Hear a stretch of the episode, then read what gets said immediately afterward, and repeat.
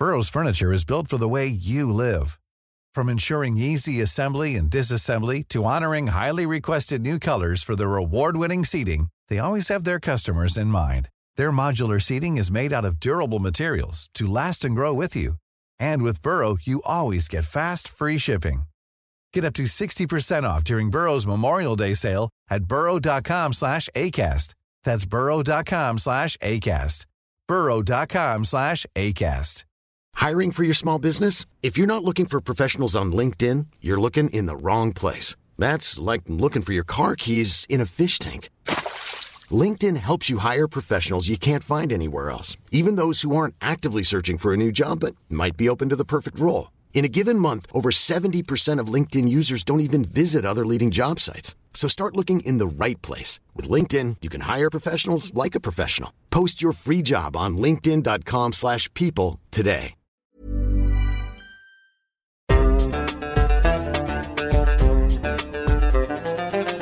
بودكاست صوت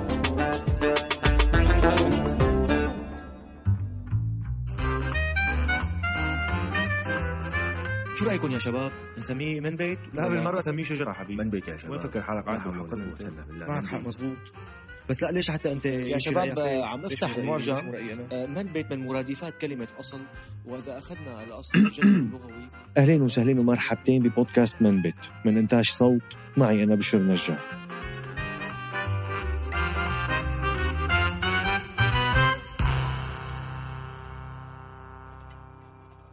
سنة 2000 كان عمري عشر سنين وبالتحديد برمضان كانت الدنيا المساء. بالحلقة 24 من مسلسل الخوالي كانت أول مرة بشوف أبي عيونه مدمعين. المشهد كان لرضا الطفل الفقير اليتيم اللي كان يساعد نصار. كان يحبه مثل كأنه أبوه لأنه مرة دافع عنه من اثنين كانوا عم يضربوه. فلما صار نصار فراري صار ثائر على العصملي ممثلا باليوزباشي حلمي وعساكر وصار يقاتلهم كان رضا اللي لعب دور الممثل فادي الشامي يلملم أخبار من الحارة من الشاغور ويوصل رسائل بين نصار وأهل الحارة. المهم بسياق ما بحادثة ما صارت بالمسلسل بيخلص المشهد بأنه رضا بيأكل رصاصة وبيتصاوب إصابة خطيرة.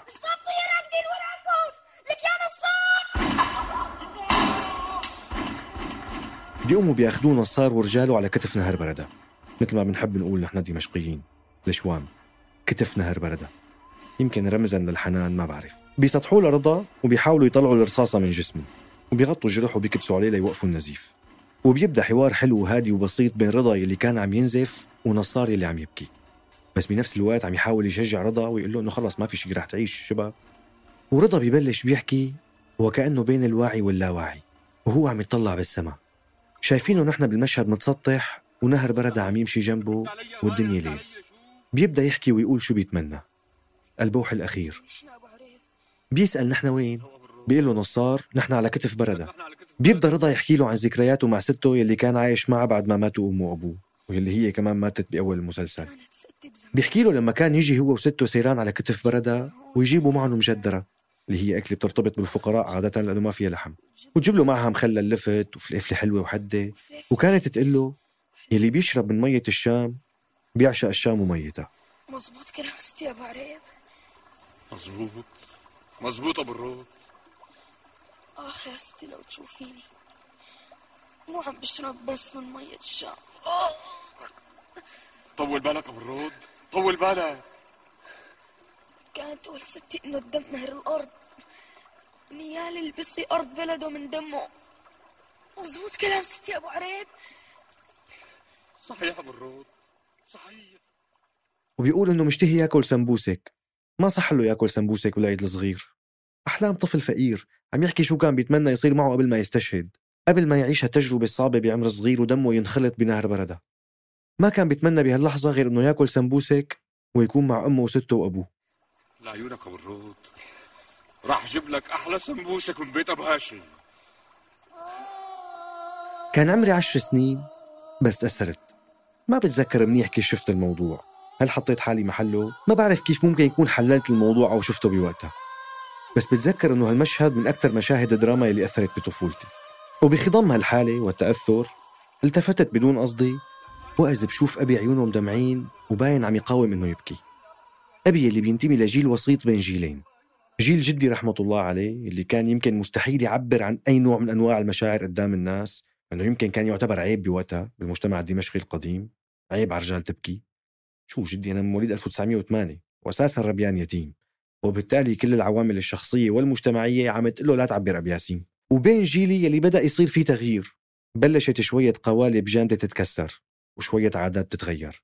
أبي بالنص يمكن بالمنتصف. شوي هون وشوي هون. التعبير صعب عليه بس بهاللحظة عبر. والدراما كانت مسؤولة عن أني شوف أبي لأول مرة بيبكي. يمكن بكيان من قبل بس أنا ما شفته. أو كنت صغير وما انتبهت. المهم بهاي اللحظة كانت أول مرة بشوف أبي عيونه مدمعين. بتذكر أني تفاجأت بوقتها. يعني للوهلة الأولى تركت هالمشهد اللي كان فعلا مؤثر وركزت لكم ثانية مع أبي. وانبسطت. انبسطت بإني شفت أبي بحالة تانية مختلفة ورجتني إياه من زاوية تانية. زاوية جديدة. عموما هالمسلسل للأمانة مسلسل الخوالي كسر الدنيا وقت طلع المسلسل من تأليف أحمد حامد وإخراج بسام الملا سنة 2000 وبطولة بسام كوسا وسليم كلاس وأمل عرفة وصباح جزائري وعلي كريم ومحمد العقاد وغيرهم من الممثلين. كسر الدنيا عن جد مو حكي. بتذكر إنه رمضان بسنتها كان 29 يوم والحلقة 30 عرضت أول يوم العيد. أنا وأخي ما رضينا نروح لأي مكان وقت عرض الحلقة. راحوا أهلي لحالهم. حسيتهم بوقتها ما كان بدهم يانا نشوفها بلاهم مشان ما تكون راحت عليهم. بس غدرناهم وشفناها. لك إيه شفناها وتحمسنا أيوه حماس. شو عم تحكي أنت؟ صباح عبيد بيقول جملته الشهيرة التي تقشعر لها الأبدان من الحماس والنخوة كرمال الشام وأهل الشام الروح بترخص. بيجوا رجال الشام ودوما بينقذوا نصار ابن عريبي من الإعدام شنقا على إيد الضابطية الأشرار بآخر لحظة. وبينزلوه بآخر ثانية قبل ما يموت. وبيحملوه بيصيروا بيدوروا فيه بينادوا لا إله إلا الله والشهيد حبيب الله. فاكرينه استشهد. بس هو كان وين؟ مو معهم. شايف صياح ورضا وطلبة بالسما لابسين شارات بيضة على روسهم وعم يحيوه وعم يعملوا له bye بصورة رمزية على أنهم بالجنة. كنت أمشي بالحارة عنا لسنين لقدام وشوف الأولاد عم يلعبوا نصار والزابطيه يمسكوا خشبات ويقوصوا على بعض. بيو بيو بيو بيو. وتكون واقف بالحارة بأمان الله وهدوء وسكون. وإذ بتلاقي طفلين بريئين واحد عم يركض ورا الثاني ويقول هي هي هي هي هي هي هي هي. والغريب إنه ما كنا نستغرب. بالمدرسة مثلا بعد كذا سنة من عرض المسلسل كنا نحمل شي شب قطعته صغيرة مشان الوزن يعني يتسطح على إيدينا ويطلع على السماء وندور فيه ونقول نفس الشيء لا إله إلا الله والشهيد حبيب الله. شايفين مدى تأثر يعني؟ هلأ هو صحيح هلأ لما نقول مسلسل بيئة شامية على الأكثر بيكون الرد سخرية وما بدنا نخلص بقى من هالمسلسلات المعتة المكررة اللي عم تشوه التاريخ وبالله عن جد بتفرج على هالحكي. وانعكاسات المسلسلات على المجتمع والمرأة وتزييف الحقائق وإنه هي بمعظمها أعمال تجارية وكل هالحكي هذا اللي بتفق مع كثير منه. بس لما طلع مسلسل الخوالي ما كان الوضع مثل هلأ. هلأ كل سنة في خمس ست مسلسلات بيئة شامية. أما بوقتها يمكن آخر مسلسل بيئة شامية قبل الخوالي كان أيام شامية إذا ماني غلطان اللي تم إنتاجه سنة 1992 هالمسلسلات ما كانت موضة يعني. لأنه بالنهاية مسلسل البيئة الشامية شو هو؟ هو مسلسل قصة خيالية بمجتمع نص متخيل ربع متخيل. فيري تيل يعني مثله مثل أي قصة من أي بلد أو أي حضارة أو أي ثقافة. يا بينجح يا بيفشل. والخوالي كان مسلسل بسيط. رسالته وعبرته وصراعاته الدرامية كانت واضحة وصارخة. الخير الجلي الواضح كان بيلاجي الفجر في وجه الشر الحالك الظلمة. وتضحيات وبطولات وفداء لهيك كسر الدنيا. بدكم لسه أثر أكبر. أثر أوضح وحقيقي أكثر اسمعوا القصة. بنفس المدرسة بصف الثامن سنة 2004 قلنا أستاذ العربي عليكم وظيفة كل واحد يكتب موضوع تعبير عن شخصية سورية كان لها أثر بتاريخ سوريا. احكوا لنا قصته مين هو أين ولد شو عمل شو إنجازاته وما إلى هنالك. أنا للأمانة ما بتذكر كثير عن مين كتبت. يمكن يوسف العظمي يعني ما كتير بذكر. عن مين بدك تكتب يعني بالنهاية؟ كانت الموضة إنك تكتب بقى عن يوسف العظمي إبراهيم هنانو صالح العلي عبد الرحمن الشهبندر. شخصيات المناضلة في تاريخ سوريا الحديث اللي كنا نقرأ عنهم بكتاب التاريخ والقراءة المهم الحصة اللي بعدها جبنا المواضيع وكل واحد قام قرأ موضوعه. فلان وفلان وعلان وعلاك البان إلى أن أتى دور إبراهيم. مين شخصيتك يا إبراهيم؟ نصار بن عريبي أستاذ. ولد نصار بن عريبي في حي الشاغور وسرد القصة. طبعا عدد لا بأس به من الطلاب ضحكوا لأنه كانوا قدرانين يفصلوا بين الواقع والخيال تبع الدراما. بس مو الكل قدر. ولا الكل عرفوا إنه هالمسلسل هو حكاية. يمكن اختلطت عليهم الأمور من كتر ما حبوا المسلسل وصدقوه. وفكروا نصار شخصية حقيقية. وبتذكر إنه كمل الموضوع ومشيت الأمور عادي يعني. بس من وقتها علق السؤال بذهني إنه كيف خطر له كيف صدق؟ شو يلي خلاه يصدق أو يفكر إنه نصار ابن عريبي شخصية حقيقية؟ طبعا تحية لإبراهيم رفي حاليا بالسويد هو وما بتوقع يعرف إني عم بحكي عنه. بس هون في سؤال بلشت مع الوقت والوعي حاول جاوب عليه. شوف أثره على الناس وعلي. شو هو أثر الدراما علينا؟ أثر الأفلام والمسلسلات والقصص والحكايات. ليش هالقد مهم بالنسبة إلنا بكل الثقافات بكل مكان بالعالم إنه نتفرج على مسلسلات أو أفلام؟ نسمع قصص وحكايات. من نحن وصغار بنحب نروح لعند جداتنا ونسمع منهم حكايات. بنحب نسمع قصص الناس. في شيء ممتع بالموضوع ولو كان هالشيء مو منيح أحيانا غيبة يعني. طيب شو بتغير الدراما فينا؟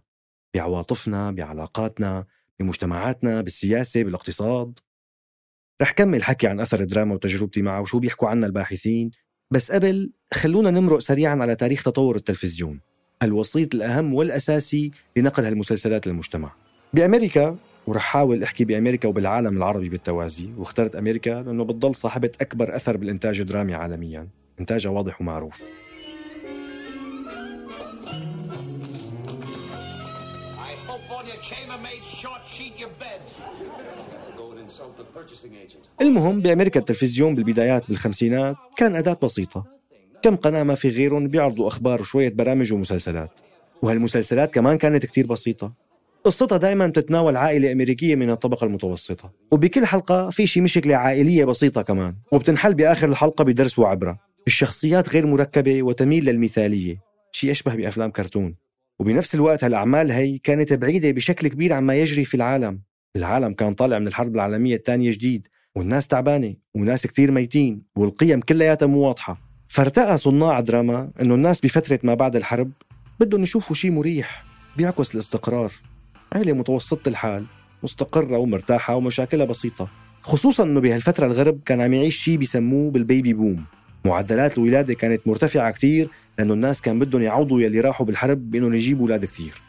طبعا المسلسلات التي تبدو لطيفة ومثالية جدا من الخارج للأسف ما كانت تعكس الواقع بشكل دقيق. يعني هالعائلات التي تنتمي إلى الطبقة الوسطى من المجتمع كانت دائما عائلات من ذوي البشرة البيضاء؟ وما بنشوف أثر للتنوع العرقي الموجود بأمريكا. ولا أصلا بنشوف مشاكل الأعراق الثانية اللي كانت عم تعاني من العنصرية الشديدة بأمريكا بهديك الفترة. ما رح أفوت كثير بالتفاصيل. المهم بالستينات والسبعينات مع تغير الأوضاع سياسيا واجتماعيا بديت تتنوع الأعمال الدرامية بأمريكا وتركز على أمور مختلفة. طبعا نحن بالنهاية عم نحكي عن دولة فيها ديمقراطية. بالتالي إبداء الرأي بالدراما أو مناقشة بعض المشاكل الاجتماعية أو السياسية بجرأة ما كان شيء ممنوع وإن كان بكثير أحيان يحارب من جهات ثانية من المجتمع. أما بعالمنا العربي فمع ظهور التلفزيونات الرسمية الحكومية تم استخدام القنوات بشكل مباشر من الحكومات كأداة إعلامية لتمرير رسائلها وأفكارها وأيديولوجياتها. وطبعا هالشيء لا يزال مستمر لليوم لأنه شكل الأنظمة ما تغير. لساتنا تحت حكم أنظمة سلطوية مستبدة تصادر حرية التعبير بالتالي ظلت الأعمال الدرامية على مر السنون تروح وتجي وتتحرك ضمن إطار محدد بتوسع أحيانا ويضيق أحيانا أخرى بحسب الوضع السياسي واستقراره بالبلد. المهم بنرجع لأمريكا. بالثمانينات من القرن الماضي دخل شيء اسمه ال cable television. شيء بيشبه ال satellite. بعد ما سمحت الحكومة الأمريكية بإنشاء تلفزيونات خاصة واشتغلت ماكينة الإنتاج. كوميدي وأكشن ودراما ومسلسلات وسيت كوم ومئة قصة. صار في تنوع أكبر بالأعمال وبطرحها وبأفكارها. وبالتسعينات والألفينات ازداد الإنتاج والتنوع مثل ما بنعرف. وهالظاهرة هي شفنا شيء بيشبهها من بعيد بالعالم العربي. من بعيد كتير. لما انتشرت الدشات الساتلايتات ببداية التسعينات أيام ما كان الدش ممنوع بسوريا. مدري مو ممنوع لأنه كل الناس صارت تجيب وتحط مع أنه بالقانون يمكن كان ممنوع. والله ما بعرف. يمكن ما حدا كان بيعرف أصلا. قد تكون الحكومة كانت عم تجرب الموضوع وتستنى تشوف أثره. وإذا طلع بخوفها تحضره. بس الله أيام القنوات ال 22 اللي صورتهم على قدهم. وثلاث أرباع الوقت ما في شيء نشوفه عليهم. صحيح صار في قنوات كتير بنهاية التسعينات وبداية الألفينات. بس هالشي ما كتير رفع سقف الحريات. لأنه بالنهاية الشركات المنتجة للمسلسلات ضلت تابعة للأنظمة الحاكمة أو قريبة منها. وبكل الأحوال الرقابة ما بتسمح لشيء مر أصلا. والاهم من هذا كلياته هو مين بيسترجي اصلا يكتب مسلسل يتجاوز الخطوط الحمراء Burrow is a furniture company known for timeless design and thoughtful construction and free shipping, and that extends to their outdoor collection. Their outdoor furniture is built to withstand the elements, featuring rust-proof stainless steel hardware, weather-ready teak, and quick-dry foam cushions. For Memorial Day, get 15% off your Burrow purchase at burrow.com slash ACAST and up to 25% off outdoor. That's up to 25% off outdoor furniture at burrow.com slash ACAST. Hiring for your small business? If you're not looking for professionals on LinkedIn, you're looking in the wrong place. That's like looking for your car keys in a fish tank. LinkedIn helps you hire professionals you can't find anywhere else, even those who aren't actively searching for a new job but might be open to the perfect role. In a given month, over 70% of LinkedIn users don't even visit other leading job sites. So start looking in the right place. With LinkedIn, you can hire professionals like a professional. Post your free job on linkedin.com slash people today.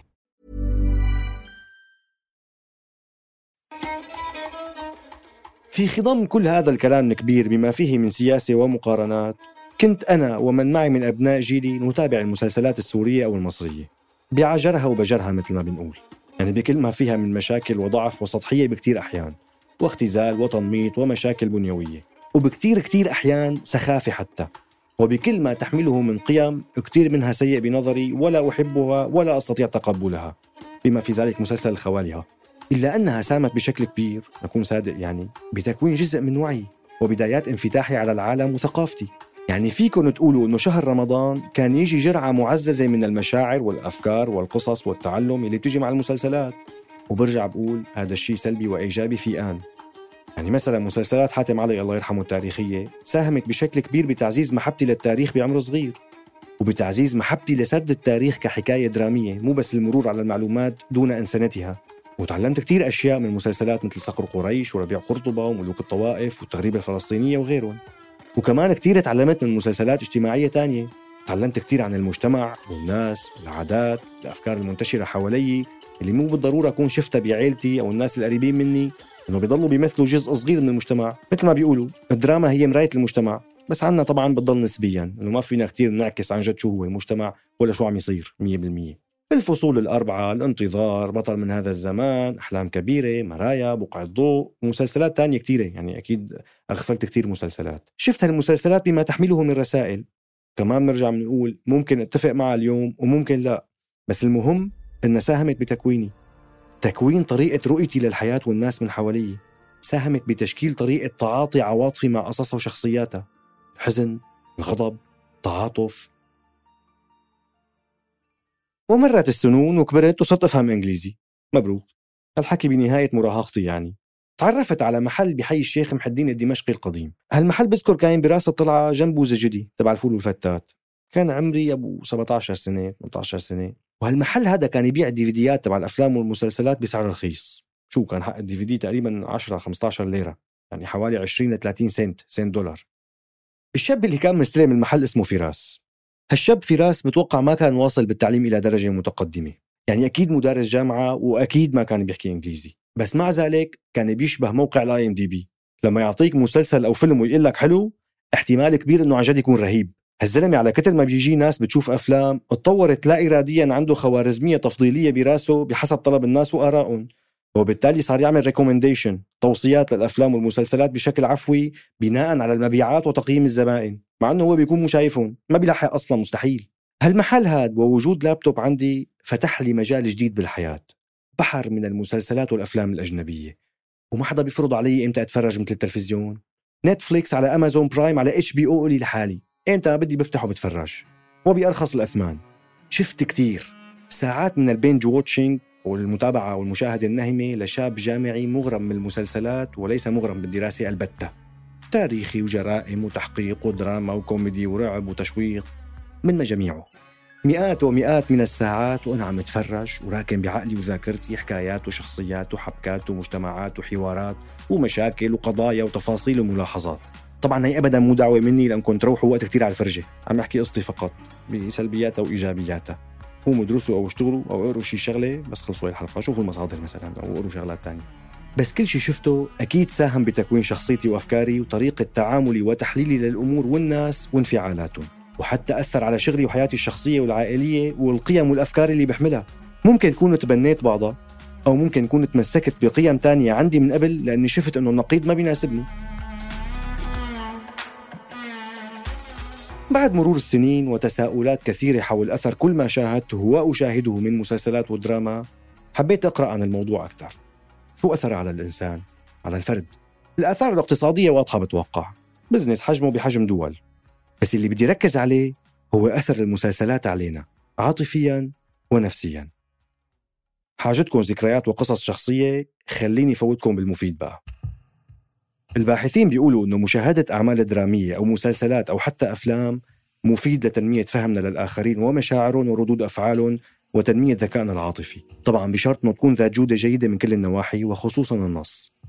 الباحثين بعلم النفس وصلوا لنتائج أنه الروايات والدراما ممكن يساعدونا بفهم دواخل الناس. نفهم كيف بيفكروا شو بيحسوا يعني بيحسن التواصل والتعاطف مع الآخرين. لما بنشوف بدراما شخصيات عم تتفاعل مع بعضها نشوف مثلا شخصية إنسانة حزينة أو شخص غاضب بيحاول عقلنا يفسر هالتصرفات من المعلومات اللي بنعرفها عن هالشخصيات هي. بيحاول يعبي الفراغات اللي مو بالضرورة تكون موجودة بالنص. ولما نعمل هيك بصير عنا القدرة على نقل هالعملية على حياتنا بالواقع. عملوا تجربة على 100 طالب وطالبة. خلوا جزء منهم يشوف أعمال درامية حائزة على جوائز وجزء تاني منهم يشوف وثائقيات عن الكون مثلا أو عن سمكة القرش. بعدين عرضوا عليهم 36 صورة. كل صورة فيها عيون شخص بتعبير معين. وسألوا الطلاب شو الشعور أو التعبير اللي شايفينه بهالعينتين؟ غيرة، هلع، غرور أو عجرفة ولا كره؟ طبعا مبدئيا الصبايا كانوا أشطر من الشباب باختيار الشعور المناسب لكل صورة. بس بالمجمل يلي تفرجوا على مسلسل كان عندهم قدرة يميزوا الشعور ويقروا العين أفضل من يلي شافوا الوثائقيات بالمتوسط. السبب بحسب الباحثين هو أنه الأعمال الروائية الدرامية اللي هي من خيال الكاتب يعني تتطلب من المشاهد أنه يفهم مشاعر وأحاسيس وأفكار الشخصيات لحتى يقدر يفهم الحكاية ويتفاعل معها ليفهم حبكة المسلسل من الأساس. وبالتالي بتتطور عنا ملكة التحليل وقراءة المشاعر. نتعاطف، بنبكي، بنفرح وهذا الشيء طبيعي. أنه كمان بحسب الأبحاث هالتفاعل هذا هو نتيجة إفراز الأكسيتوسين بدماغنا. هذا الهرمون نفسه يلي بينفرز عند الأم وقت تكون عم تولد وترضع أو وقت حدا بنحبه يضمنا. أو وقت والدتك تبوسك أو حتى وقت نتفاعل مع محيطنا الاجتماعي نفس الهرمون بينفرز بسموه هرمون الحب. والأبحاث بتقول إنه لما نتعاطف مع الشخصيات ونبكي مثلا فهون نحن بنكون عم نورجي قوة بشخصيتنا وتماسك وقدرة على التفاعل مع الآخرين. طبعا تقريبا بكل مكان بالعالم الرجال والنساء بدرجة أقل بتم السخرية منهم إذا بكيوا على شي فيلم. سواء بعبارة مثل عيب على الرجال تبكي لا وعلى شو؟ وعلى مسلسل كمان. أو بسخرية من البكاء بحد ذاته كدلالة على الضعف. بس بكل الحالات العلم بيثبت أنه البكاء والتفاعل العاطفي هو شيء طبيعي وبالعكس جيد. أنه بالنهاية نحن بنكون عم نكون علاقة غير مباشرة مع الشخصيات. خصوصا مثلا بالمسلسلات اللي فيها قصص أصدقاء وشلة وبتستمر لمواسم كتيرة. مثل Friends Big Bang Theory How I Met Your Mother وغيرهم. وحتى أي مسلسل عربي أو أجنبي في تكرار لنفس الشخصيات اللي بتعيش مع بعضها كأصدقاء أو كعائلة مثل مسلسل الفصول أربعة. بنطور شيء بيشبه العلاقة الشخصية معهم. بنشتاق لهم وبنضل نشوف المسلسلات لأنه بنحس إنه عم نشوف رفقاتنا. ناس بنعرف كيف بيضحكوا كيف بيزعلوا شو بيحبوا شو بيكرهوا. بنصير بنقول إنه والله جوي بيشبهني أو مونيكا بتشبه رفيقتي. وهذا الشيء طبعا مكتوب بشكل مقصود من صناع المسلسلات لحتى يخلونا نتعلق أكثر بالشخصيات ونحبها ونتابعها أكثر ونتفاعل معها. بالنهاية مع التقدم بالعمر وازدياد الخبرات والتجارب والهموم والمسؤوليات للأسف كل اللي قلناه فوق بيقل على الأقل بناء على تجربتي الشخصية. يلي قد تكون مو كتير قريبة من متوسط باقي التجارب الشخصية للبشر على هذه الأرض. بضل سوري أنا. تغربت غصبا عني. ومفهومي لمشاعر مثل الحنين أو المعاناة أو الشوق أو الوطن صار مختلف. في شغلات صرت شوفها مثل مسلسل الخوالي مثلا مو لأنه هو المسلسل الأقوى والأفضل والأجمل. الموضوع ما له علاقة بجودته. الموضوع متعلق بذكرياتي لما كنت شوفه. لما كنت ببيتنا بالشام ببلدي.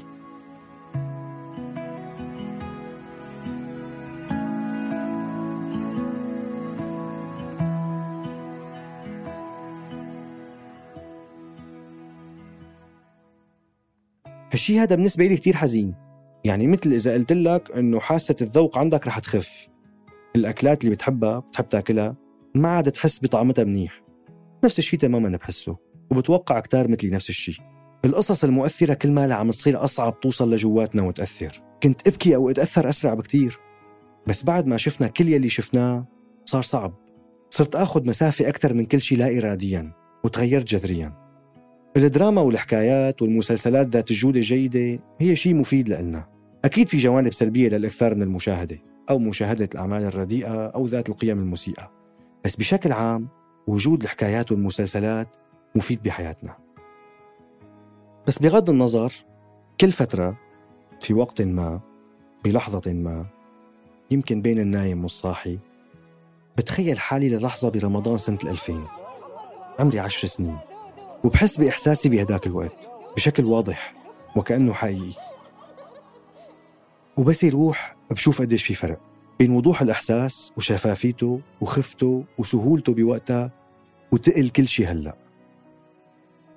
لو فيني أرجع صغير وأتفرج على الخوالي بشخصياته البسيطة غير المركبة وحس بنفس شعور الراحة والخفة والبساطة وأنا عم آكل قطايف عصافيري ومشهد موت رضا يكون السبب الوحيد اللي بكى أبي وبكى أمي وبكاني.